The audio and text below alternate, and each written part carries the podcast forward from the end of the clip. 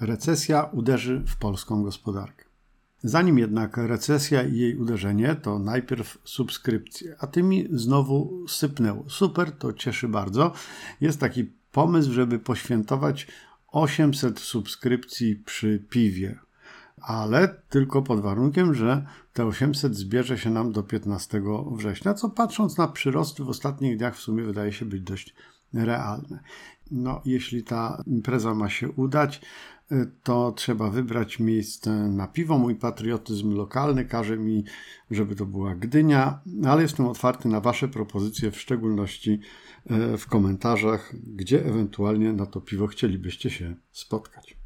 A recesja? No, pan Marcin pytał mnie między innymi o prawdopodobieństwo wystąpienia recesji i jak to się odbije na rynkach finansowych, w tym na notowaniach akcji.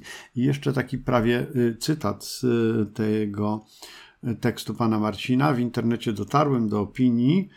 Opinia wyrażana głównie przez inwestorów giełdowych grających na kontraktach terminowych, że Amerykanie bądź też Fed może gospodarkę celowo wprowadzić w delikatną recesję, cokolwiek to znaczy, żeby potem uruchomić drukarki z dolarami lub inne mm, dostępne narzędzia i zacząć się powoli podnosić z kryzysu. No, to jak to jest? Moi drodzy słuchacze, recesja w Polsce jest moim zdaniem bardzo prawdopodobna. O tym dlaczego powiemy sobie w dalszej części materiału, ale najpierw o tym, że Amerykanie najpierw niby wprowadzą gospodarkę w recesję, by ją potem podnosić. To nie ma sensu. Znaczy, żaden rząd celowo nie wprowadza gospodarki w recesję, by ją potem dźwigać, bo to się najzwyczajniej politycznie nie opłaca. Ja wiem, zwolennicy spiskowych teorii będą innego zdania, ale ja, jak wiecie, nie jestem fanem tych teorii. Gospodarka rynkowa ma po prostu taką swoją cykliczność, taka jej wątpliwa y, uroda. My możemy starać się co najwyżej te cykle łagodzić. O cyklach koniunkturalnych też się trafi kiedyś odcinek, obiecuję. Być może już wkrótce, bo zmienia się sytuacja na rynku y, półprzewodników i to jest ciekawy taki moment. To jest taki ciekawy przykład, e, żeby te cykle koniunkturalne trochę zobrazować. Recesja może być, bo dane z polskiej gospodarki są słabe, a świat, a Europa w szczególności, no idzie raczej ku recesji niż rozkwitowi gospodarki, więc trudno się spodziewać, by polska gospodarka zachowywała się jakoś dramatycznie inaczej.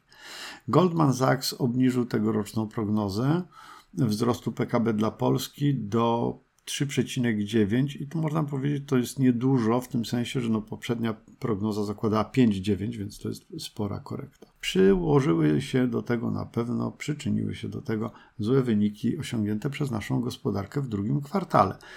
GIUS podał, że PKB Polski wzrosło w drugim kwartale o 5,3% licząc rok do roku czyli w porównaniu z drugim kwartałem rok wcześniej. Ale jednak w relacji kwartał do kwartału, czyli pierwszy, drugi kwartał, no to polskie PKB skurczyło się w drugim kwartale o 2,3%.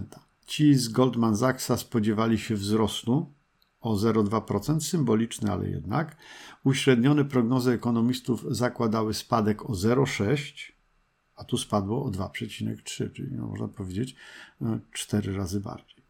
I z danych Eurostatu wynika, że w ujęciu kwartalnym no to Polska zaliczyła najmocniejszy spadek PKB wśród wszystkich państw Unii Europejskiej. No i to pytanie teraz, czy to już jest bardzo źle, czy trzeba być na alarm? No, w pewien sposób chyba trochę tak, bo do tej pory tylko dwa razy było gorzej. Pierwszy raz to było w końcówce 96 roku, czwarty kwartał 96, a drugi raz y, to pandemia i lockdown. No bo w drugim kwartale 2020 roku y, gospodarka nam się zwinęła, zmniejszył się nam PKB o 8%, troszkę ponad 8%. W poprzednich kwartałach sytuacja nie wyglądała źle, bo firmy mocno powiększały zapasy, a to jest dorzucane do inwestycji, czyli to tworzyło pozory, że w gospodarce jest nieźle, bo są inwestycje.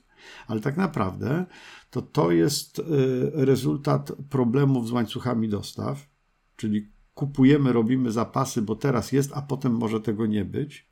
No i to jest również rezultat wysokiej inflacji. Kupujemy towary, kupujemy surowce, kupujemy materiały, bo się spodziewamy, że będą droższe. No tak, ale ile można ładować sobie do magazynu? W pewnym momencie to się kończy. No i teraz właśnie to, to kończenie się obserwujemy. Wyhamowują też y, wydatki konsumenckie, no bo z jednej strony to oczywiście my wiemy, że jest y, inflacja, widzimy wyraźny wzrost cen, y, czyli to nas nie zachęca do tego, żebyśmy gwałtownie zwiększali wydatki. Z drugiej strony też tutaj te podwyżki stóp procentowych są nie bez znaczenia, no bo ci, którzy mają kredyty hipoteczne, dzisiaj muszą płacić zdecydowanie więcej, czyli ta rata kredytu pochłania większą część dochodu, no to powoduje, że jesteśmy oszczędniejsi, jeśli chodzi o inne wydatki. Co prawda, jeśli spojrzymy na dane o sprzedaży detalicznej, no to można byłoby się ucieszyć, bo na przykład w czerwcu tego roku, porównując do czerwca poprzedniego roku, sprzedaż detaliczna była praktycznie o 20% wyższa 19,9%. No tak, ale tu musimy zwrócić uwagę na dwie kwestie. Po pierwsze, 20%, ok, ale minus inflacja, bo to, są, to jest sprzedaż wyrażona w cenach bieżących. Ona nie jest, nie odfiltrowuje jeszcze inflacji. Czyli sprzedaż jest wyższa, no w dużej części dlatego, że ceny są po prostu wyższe.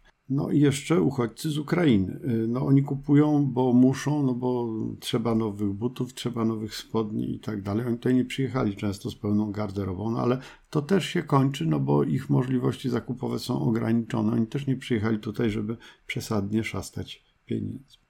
Inwestycje raczej nie wzrosną y, bez, y, znacząco nie wzrosną bez dołożenia się ze strony sektora publicznego ale inwestycje sektora publicznego będą w znacznej mierze zależało od e, KPO i od tego, czy Unia e, rzeczywiście odblokuje te środki dla Polski. My się na razie bardzo w gruncie rzeczy staramy, żeby Unia tych środków nie odblokowała.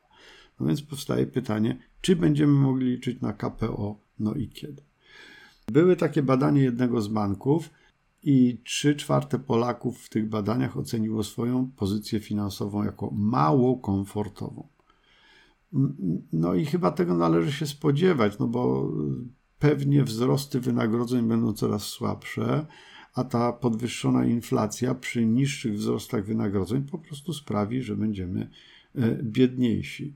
E, wskaźnik nastrojów konsumenckich GUS znowu się nam obniża.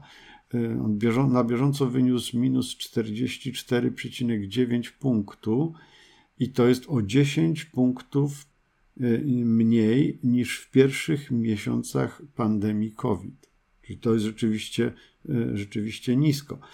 Y, nasi konsumenci są bardzo pesymistyczni, jeśli chodzi o ocenę zmiany sytuacji finansowej ich gospodarstwa domowego w najbliższym roku.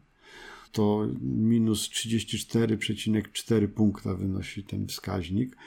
Ocena zmiany ogólnej sytuacji ekonomicznej kraju też przez najbliższe 12 miesięcy. Tu jest nawet gorzej, minus 53,6 punktu. To jest dość naturalne. Ludzie zazwyczaj gorzej oceniają um, sytuację ogólną niż swoją własną. To nam bardzo często w badaniach przedsiębiorstw to wychodzi, jak badamy y, firmy, to firmy mówią, no jest źle, znaczy generalnie jest bardzo źle. U mnie to jeszcze nie tak źle, ale gdzie indziej to tak. To taka jest prawidłowość.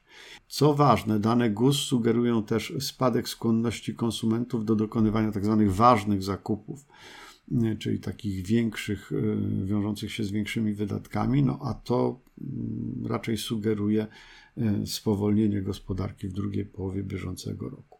Na osłodę można by powiedzieć, że sytuacja na rynku pracy jest bardzo dobra, więc takie wielkie, mm, trudne do zlikwidowania bezrobocie prawdopodobnie nam nie zagraża. Pod tym względem nie cofniemy się do lat 90. Załamanie koniunktury gospodarczej można mieć nadzieję, że będzie relatywnie krótkie, no bo tutaj głównym motorem obecnie jest prawdopodobnie jednak sytuacja na rynku surowców i ona w perspektywie roku, dwóch, trzech powinna się jakoś tam ustabilizować. Te łańcuchy dostaw porozrywane przy okazji COVID-u też się da to w końcu jakoś tam połatać i powiązać. Podsumowując, recesja chyba będzie, tragedii raczej chyba nie będzie, no chyba, że zabiją nas ceny nośników energii, o czym mówiliśmy trzy dni temu. Tego wykluczyć się nie da. Do usłyszenia.